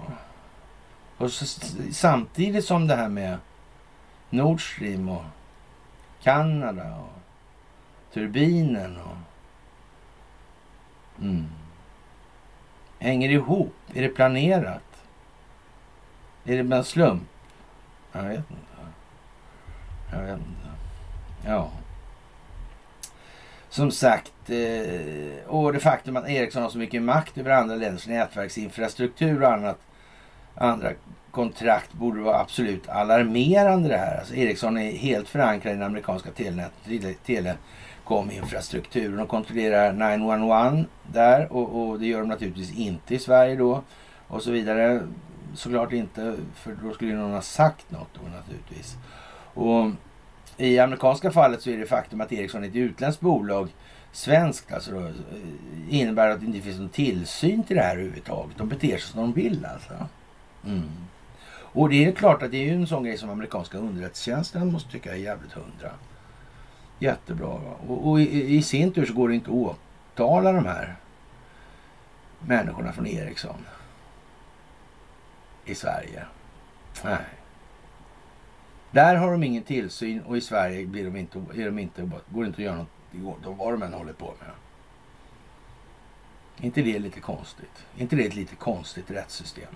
Vi undrar ju väldigt, väldigt intresserat. Hur kommer det sig att ingen jurist har kommit på det här på hela den här långa tiden? Är inte det åtminstone lite anmärkningsvärt? Bara ytter, pytte, pyttelite. Ingenting alls. Inget alls anmärkningsvärt alltså. Nej, nej. Då vet vi ju det. Det är bara... Så. Ja, ja. Ja, ja, ja, ja. Och eh, ja, eh, de är alltså ingen privat, eh, de är en privat institution. Alltså då gäller inte det här FOIA, alltså Freedom of Information Act för, för dem då. De hanterar sin egen måndatainfrastruktur. Har ni hört talas om det här nyss? Angående de här historierna med MSB och det här, ja, viktigt meddelande till allmänheten alltså. Liknande AVS, alltså då ska man lägga till då att i det här med AVS att det är, det är ju Ericsson det där alltså ja, Amazon Web Services. Tillsammans med Endpoint och cybersäkerhet som allt ingår internt genom Ericssons EMS eller Ericssons Management Systems. Eh, och det här måste ju folk eh, i en större utsträckning börja förstå. Det, det är ju problematiskt alltså. Och återigen, när man kommer till det här. Hur kan det komma sig det här med abolition till exempel? Det här rättssystemet, det här med monarkin och det här. Att vi måste ha kvar det. Mm. Och det här med sekretess alltså. Mm. Hemliga utskottet och... Ja, mycket märkligt det här alltså. Direktör, riksdagsdirektören. Mm. Ja, eller hur. Det är dags för fler att börja fundera på skillnaden mellan begreppet demokrati och republik. Och det här med monarki behöver man har man inte funderat klart på det snart så då kommer man få anledning till att göra det. Det var så säkra. Det lidande som behövs. Det kommer att komma. Det är helt säkert. Det är bara frågan om hur mycket bevis som måste fram för att folk ska acceptera. Tvingas. Man kan väl säga så här. Den vågen av frivillighet i den ja, svenska mandomens mylla. Jaha, det kan man ju säga som det är helt enkelt. Ja, lite speciellt. Jaha, och i eh, docka 1 på varvet i Pearl Harbor ligger en Los Angeles-klass ubåt alltså. Och sen fyller de dockan där och de ska ut då. Mm. Det är mycket med den här Los Angeles-båten alltså. Mm, förekommer i en roman av Tom Clancy. Mm. Gör den. Den här Mark Ramius. Och, ja, de kör upp mycket med den här eh, US Military Update alltså. Mm. Faktiskt. Det där är, är lite sådär... Eh, ja, man undrar om det är någon som har tänkt till här kanske. Och, och, och, det får man väl eh, nästan säga. Alltså att det, det, känns som att det här med Röd Oktober till exempel har någonting med den här romanen, alltså har någonting med det här att göra. Och, och sen fanns det ju den här boken också sådana som de dagarna, Operation Garbo där och mm, han Hugmark och mm, det var ju Stellan Bojerud också, han med den där soldaten i 13 fanor, den här Eva Thor Grey där. Han, han som umgick med Astrid Lindgren, så var det. Ja. Det är konstigt det här alltså. Ja. Det får man säga alltså. Helt enkelt. General Patton har ju att göra med samma svängningar genom historien i det här. Man lägger upp då bilder på Patton som delar ut och en till en överste löjtnant och, och, och, ja, han som har hjälpt till då med sina Rangers då. ja, hjälpt de allierade att ta då Gela, Gela på Sicilien alltså. Mm. Sicilien, Italien. Draghi. Leonardo. Mm. Valfusk i USA. Diktatorer. Mussolini. Volpi di Moserato. Det är någon som leker med namnen och orden här alltså. Hela, hela jävla tiden. Konstigt. Mm. Konstigt, konstigt. Men eh, ändå. Ändå alltså. Jaha, och eh, det verkar då svårt i Zero Hedge att förstå det här med tillväxtkravet som kommer sig av ett räntebelastat betalningsmedel på många ställen alltså. Och, då har ju ändå begreppet debt saturation i det engelska amerikanska språket funnits ett tag till skillnad från eh, det svenska. Och det handlar om eh, ja, det här med att man kallar tillväxt eh, för tillväxt när det egentligen handlar om att expandera skuldmassan. Och jag vet inte hur, jag vet, hur många föreläsningar jag, och filmklipp jag har sagt det där på men det är ju rätt många alltså, det måste man säga. Alltså, och, ja, det är konstigt att det ska behöva ta sån tid kan man tycka.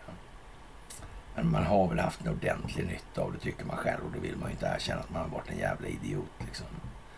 Oj, jag känner på det själv här. Åh, titta hela världen rasar. Vad synd. Ja, ja, hur ska det gå? Ja, hur ska det gå? Helt enkelt.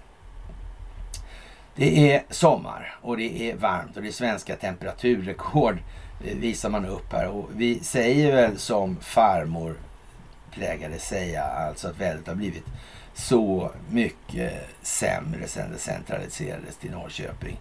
Med det sagt, på den tiden här var ur någonstans på, om jag kan ha varit början på 70 eller 60-talet kanske rent av.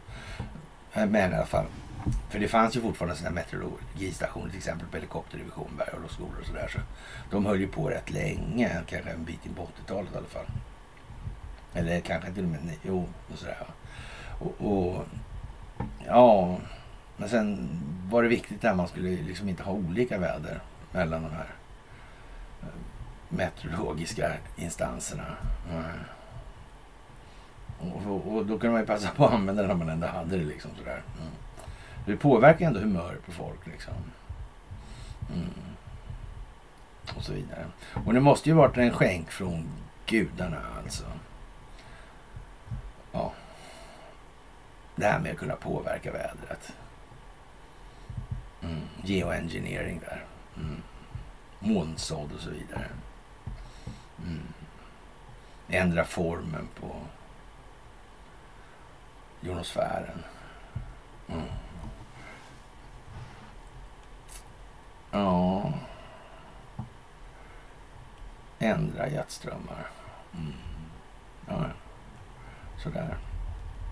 Och som sagt, det är regnbåge över Los Angeles-klassen alltså på Navy Military Report också. Det är ju Rainbow over Los Angeles-klass. Ja. Los Angeles. Ja. Det är vad det är nu det här. Det är vad det är. Mm. Jaha. Det är... Eh, ja. Klockrent står det här då. Gateway Pundit och eh, Biden eh, tänker nog eh, deklarera alltså en nationell eh, klimatkatastrof alltså den här veckan. Mm. Undantagstillstånd närmast. Och, eh, ja, man kan säga så här att sett ur ett konstitutionellt perspektiv alltså för den amerikanska konstitutionen så det verkar inte tillrådligt alltså. Det verkar inte vara det. Helt enkelt alltså. Och, och jag vet inte miljörörelsen om den är sådär eh, särskilt bekänt av det eh, ur, ur sitt eh, så att säga, preferenskartesyfte då. Jag vet inte om det är så. Hur det, är, hur det kan vara. Eller? Nej, så det, det, det, ser ut som det skulle kunna accelerera en smula. Då får vi väl gissa då på att det kommer in någon som ja, det är ut med Kamala först alltså, så kommer det in någon där då och sen så sjuknar Joe till i demensen där så han minns ingenting om någonting. Va? Mm. mm. Så blir det ett steg framåt för den inkomne där då. då. Mm. Och sen så måste det in en vice där då. då. Ja.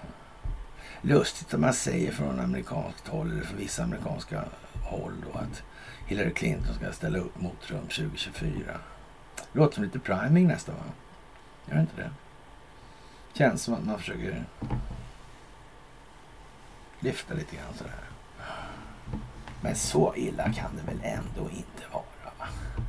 Eller?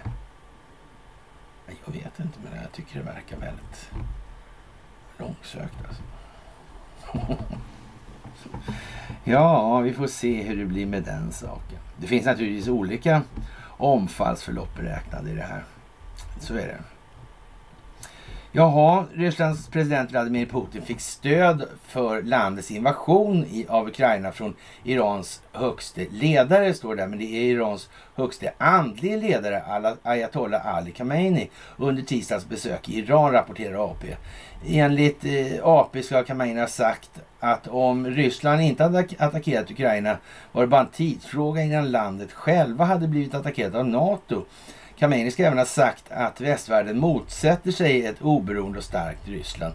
Och nu är det ju knappt några länder som håller med då, ja, Ryssland, utan det är väl bara lite kanske drygt jordens halva befolkning eller sådär.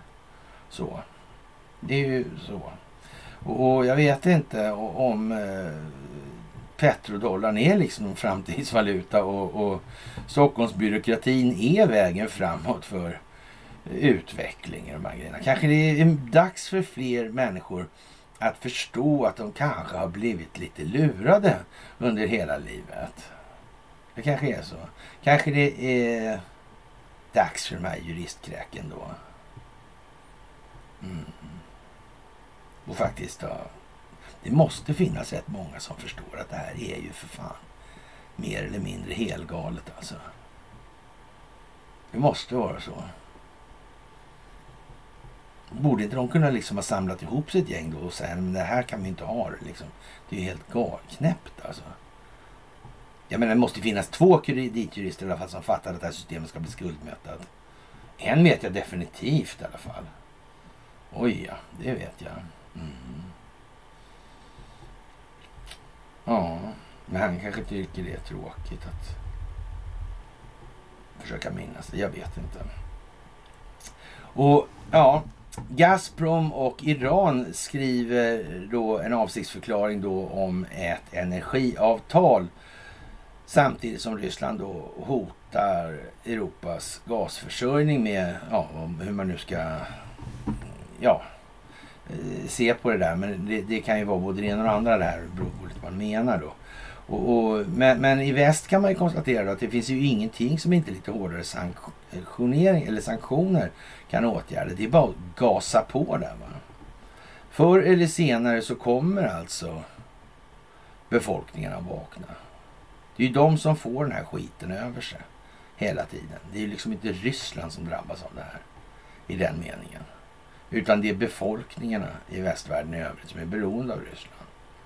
Mm.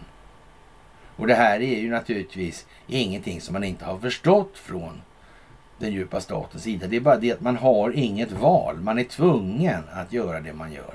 För alternativet är värre. Det är så här det fungerar. Det här är planerat alltså.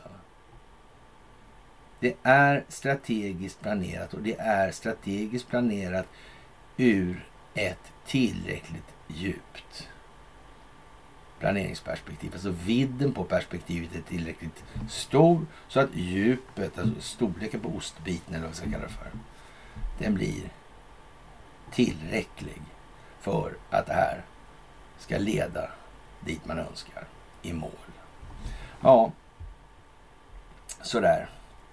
Och eh, ja, vad ska vi säga? Oktober blir en intressant månad och eh, som sagt, Elon Musk kan förlora första slaget där när en domare då bestämmer sig att det här ska ja, köras eh, i fast track eller fast lane eller snabbbehandlas kan man säga då. Och, och eh, det här med den här Twitter-rättegången. Men, men det är ju som så med sådana här svärd. De är ju oftast dubbelägade alltså. Mm. Och då får man det i huvudet så kan det klyvas. Mm. Så också. Man ska vara försiktig med vad man önskar sig för de som inte är insvurna i det där och förstår vad det där är för någonting. Det kan visa sig bli lite tokigt att det skulle gå så fort. Den här första segern kan så att säga, ja, den kan ha varit dyrköpt. Där sågade man, eh, ja. Och naturligtvis, det är i Delaware då. Dessutom. New Sweden. Mm. Ja, jag vet inte vad man ska säga. Det är ju fantastiskt trevligt det här. Måste man, det måste man säga i alla fall. Och eh, ja, det är ju liksom, eh, ja, ett snabbt genomförande skyndar ju på resultatet i alla fall. Så kan man ju säga sammanfattningsvis. Det, det är ju så. Ja.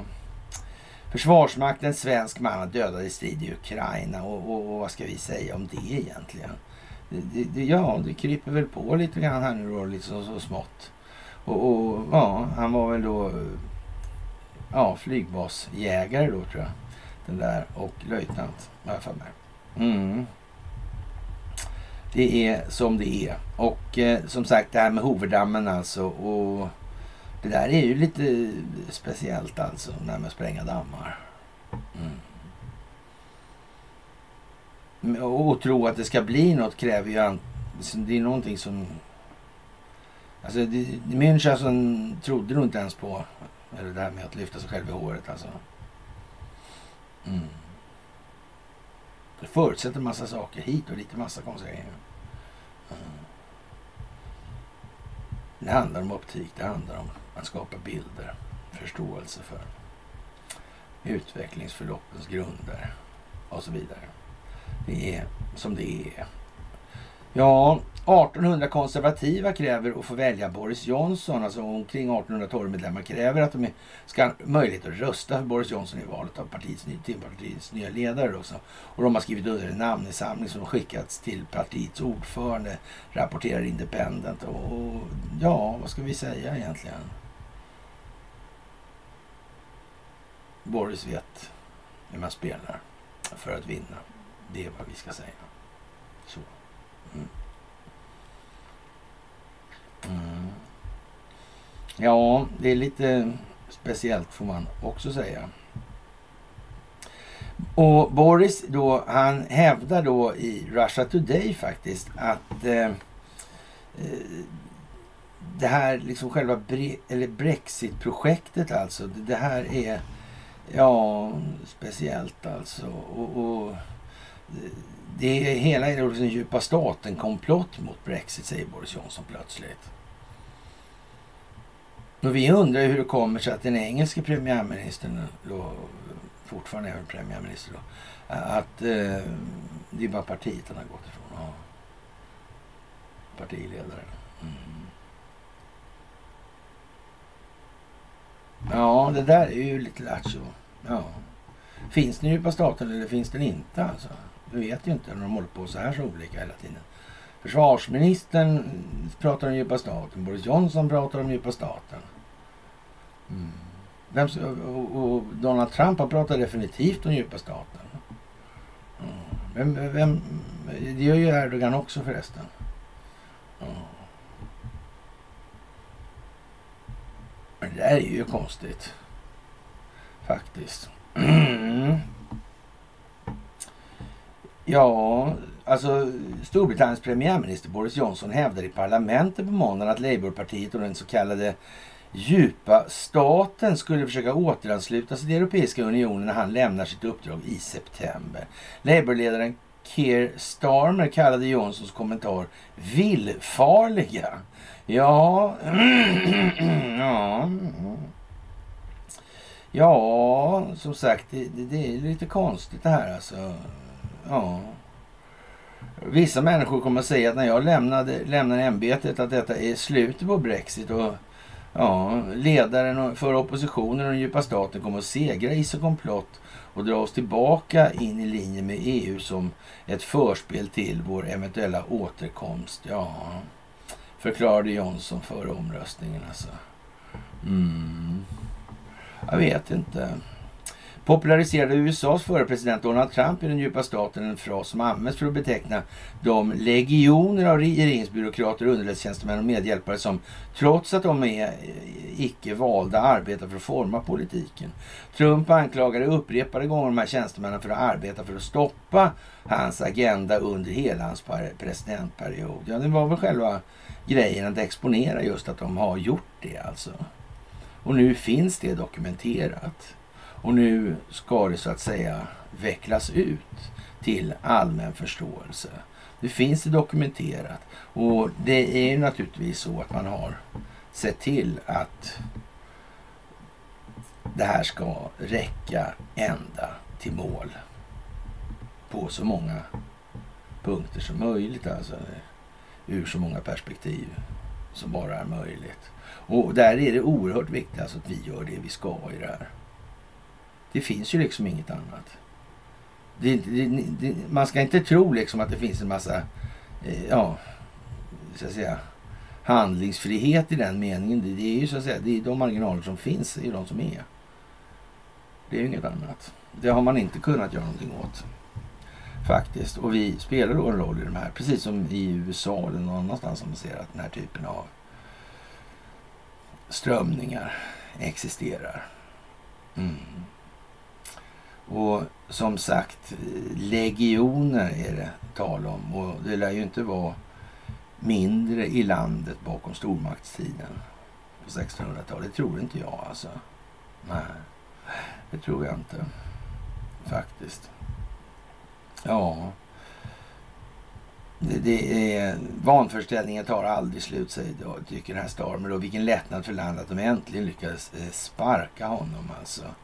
Ja, det där är ju väldigt... Eh, ja, det är som det är egentligen. Jaha, och eh, vad ska vi säga? Ja, jag tror vi tar inte så mycket mer om... Vi kan ta lite snaskigt istället. Expressen då och, och, och ja, Putins vrede älskar innan gravid igen alltså. Och, och Ja, han vill inte ha flickor skrev man i någon annan då, tidning. Det var Aftonbladet då kanske. Mm. Ja, det är ju som det är alltså. Mm. Hur ska det här kunna sluta? Ja, faktiskt. Mm. Och eh, ja, när skuldmättnaden är global och eh, dollarn tappar som världsvaluta. Förtroendet är det enda som håller en västvaluta vid liv, men det tenderar att sjunka tillsammans med globalisterna då givetvis. Och eh, ja, Kina dumpar amerikansk skuld, data från USAs finansminister. Och Pekings innehav av amerikanska värdepapper har minskat med nästan 100 miljarder dollar på sex månader. Och ja, vi får väl se vad, vad det blir av allt det här alltså. Det kan ju bli det speciellt alltså. Mm. Eller kanske bara det går, det går till sig liksom igen. Så, så börjar allt funka som förr igen. Liksom. Mm. Och, och vänt i häcken höll jag på att säga. Men hänt i väcket kanske. Ja. Allt det här kommer bli som förr. Liksom. Gräset grönare, och vågorna högre. Om bara. Ja. Vi kör lite partisering, polarisering på det. Ja. Är man vaken så är man vaken. Om man inget mer lärde man Gud. Ja. Det är bara det sura. Varje dag är samma jävla besvikelse. Kommer det något nytt man inte känner till? Fan alltså. Det där är också viktigt, konstaterar man då. Som en besk dryck som ska säljas liksom. Ja. Var inte Gud idag heller. Fan också, jag trodde det. Var på gång och började tro det på allvar alltså. Ja, ja. Ja, ja. Mm. Och president Biden, eller här, resident underligt Bush lovar att stödja Ukraina så länge det än kräver. Alltså. Hans administration har redan spenderat 8 miljarder dollar bara på militärt bistånd, skriver då The Economist här. Och ja, men nästan sex månader efter utbrottet av fientlighet som riskerar att eskalera till en utdragen konflikt börjar även Bidens nära medarbetare undra om Amerika snart kommer och kanske borde tröttna på det här alltså. Och, och, ja, det vet man ju inte riktigt sådär. Mm. Det där är, är, är det risk att det blir ändlöst krig av det här? Har de erfarenhet av den amerikanska befolkningen? Jag vet inte, kanske det. De kanske kan sätta sig in i den här prylen alltså. Jaha, och, och jag vet inte heller om, eh, så att säga, det kanske byggs upp för en catch-up-effekt här också. För det är ju lite grann sådär, svensken är ju allmänt klen då med, med den själsliga resningen. Så jag vill inte gärna stå själv alltså. Utan man står inte gärna ensam mot en eh, garanterad övermakt men kör på ändå liksom för man har inget bättre för sig. Ja, det, det, det är inte svenskt alltså utan det, det, är rädd för döden och, och hela programmet alltså. Mm. Ja, det är inte, man behöver liksom inte ha dödslängtan så, det är inte det jag säger. Utan man, man, men det får ju finnas rimlighet i saker och ting i det här. Och som sagt, eh, ja. Det här med Sveriges Radio och det här. Vad var det där för något egentligen? Jag tror ändå på det här med de här lagarna. Mm. Och informationshanteringens roll i det moderna kriget. Alltså tänkte mycket grejer som hänger på den här informationen. Alltså det är 80 procent av hela det moderna kriget. Ja, det är konstigt de här. Mm. Abolition, ja. Mm. Ja, ja, ja. Och svenska myndigheters servrar flyttades till Stuttgart 2013 alltså. Ja. Vad är Stuttgart var det? Där är de här... Det var dit de här... Uh, de här Leonardo som jobbar med Ericsson. Det var också Stuttgart, eller hur var det där? Det var någon servrar där på i Stuttgart också. Ja, mm. ja konstigt. Det bara försvann. Ja, ja. Mm. Det finns inte längre alltså.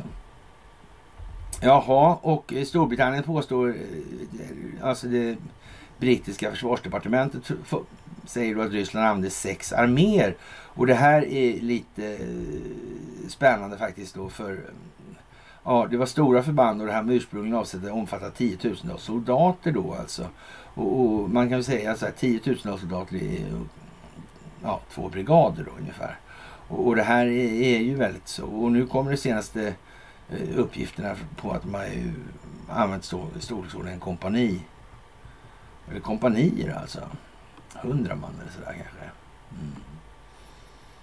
Det här är mycket speciellt alltså. Ja, det är bra att känna till lite grann om det här med lista över militära taktiska begrepp la vi upp som länk i det här då. då. Och det kan vara bra att veta, och känna till det här nu faktiskt. Det är nog ganska bra. Det här med att inte känna till det, det verkar helt dåligt. Faktiskt. Helt enkelt. Mm. Ja, och eh, ja, som sagt, man blir ju lite matt i det här.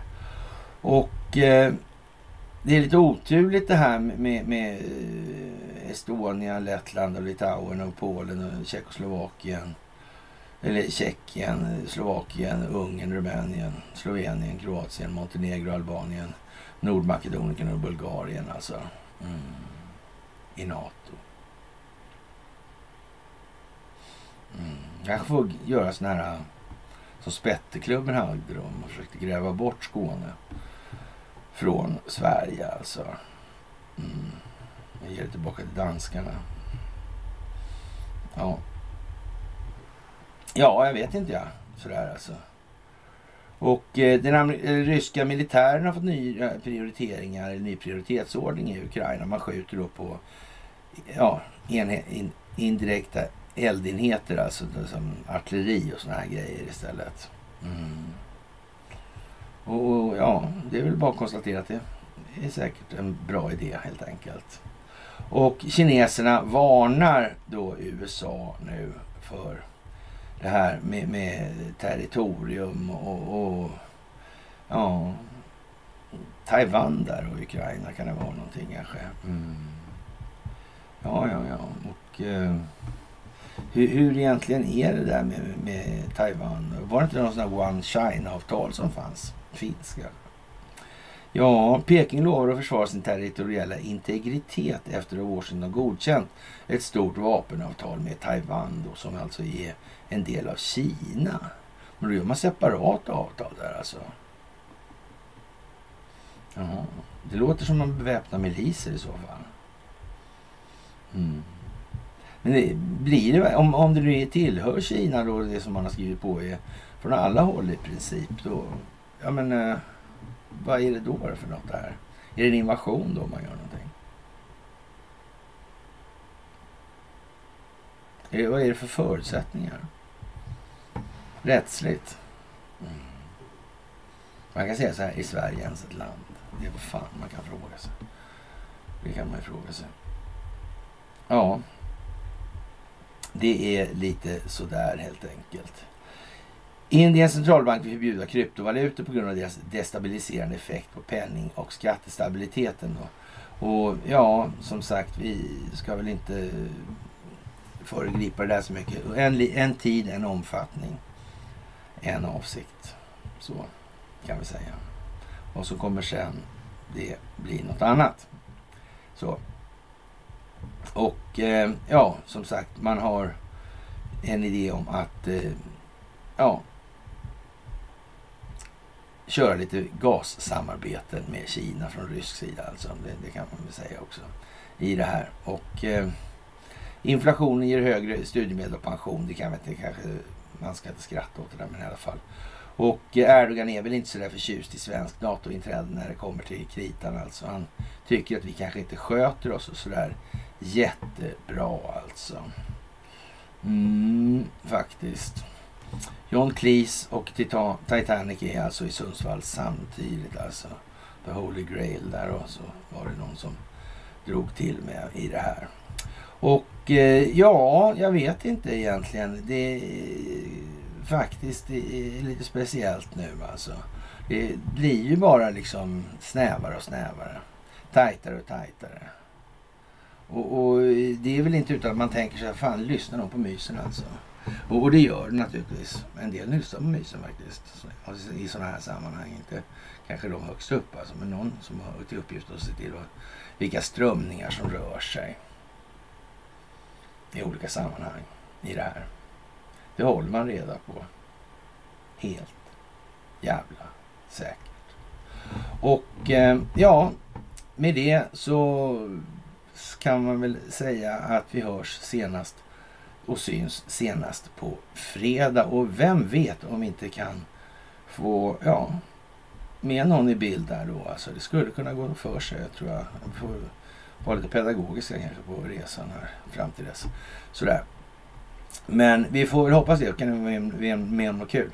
Och eh, ja, jag önskar er en fantastisk pig-lördagskväll i det här värmeböljan beroende på klimat, mördarklimatet som, ja, ni såg själva ingressbilden.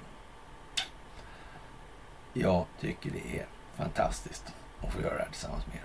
Ja, vi hörs senast på fredag. Trevlig onsdag kväll.